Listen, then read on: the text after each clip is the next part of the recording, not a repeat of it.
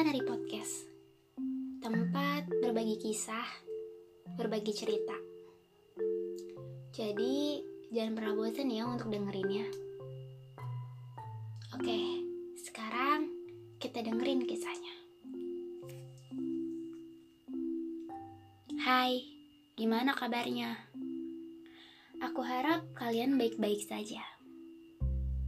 Akhir-akhir ini banyak banget yang mengirim pesan mengenai overthinking. Apalagi dengan keadaan yang seperti ini, untuk cerita pun rasanya susah. Ya, sebenarnya bisa sih di WhatsApp atau di telepon. Tapi entah rasanya nggak semelegakan ketika kita bertatap langsung. Dan ya, akhirnya persoalan ini cuma bisa bersarang di kepala. Dipendam. Berharap bahwa dengan nonton drama Korea atau mendengarkan lagu jazz dapat membuat lupa dengan persoalan yang ada. Iya sih, kadang lupa, tapi ketika pada malam hari, semuanya seolah bersatu, berlomba-lomba. Siapa yang menjadi juara di kepala? Yang tadinya tidak kepikiran sama sekali, tiba-tiba itu berdampak besar pada malam hari.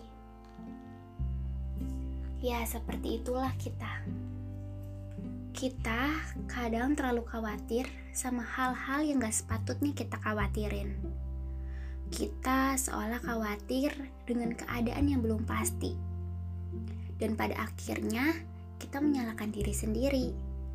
Kita menyalahkan keadaan Aku pernah dengar istilah bahwa yang paling merusak mental kita ya isi kepala kita sendiri. Kalau kita nggak bisa ngontrol itu, kita bakal jatuh ke dasar jurang yang paling dalam.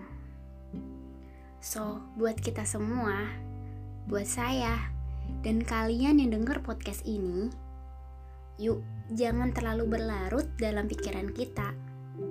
Khawatir boleh aja, tapi jangan terlalu berlebihan. Alangkah lebih baiknya kita lebih mendekatkan diri pada Sang Maha Pencipta. Percaya deh bahwa setiap ada persoalan, pasti ada jalan keluarnya. Dan apa pun yang terjadi nanti, itulah takdir yang kita punya, takdir yang kita dapat.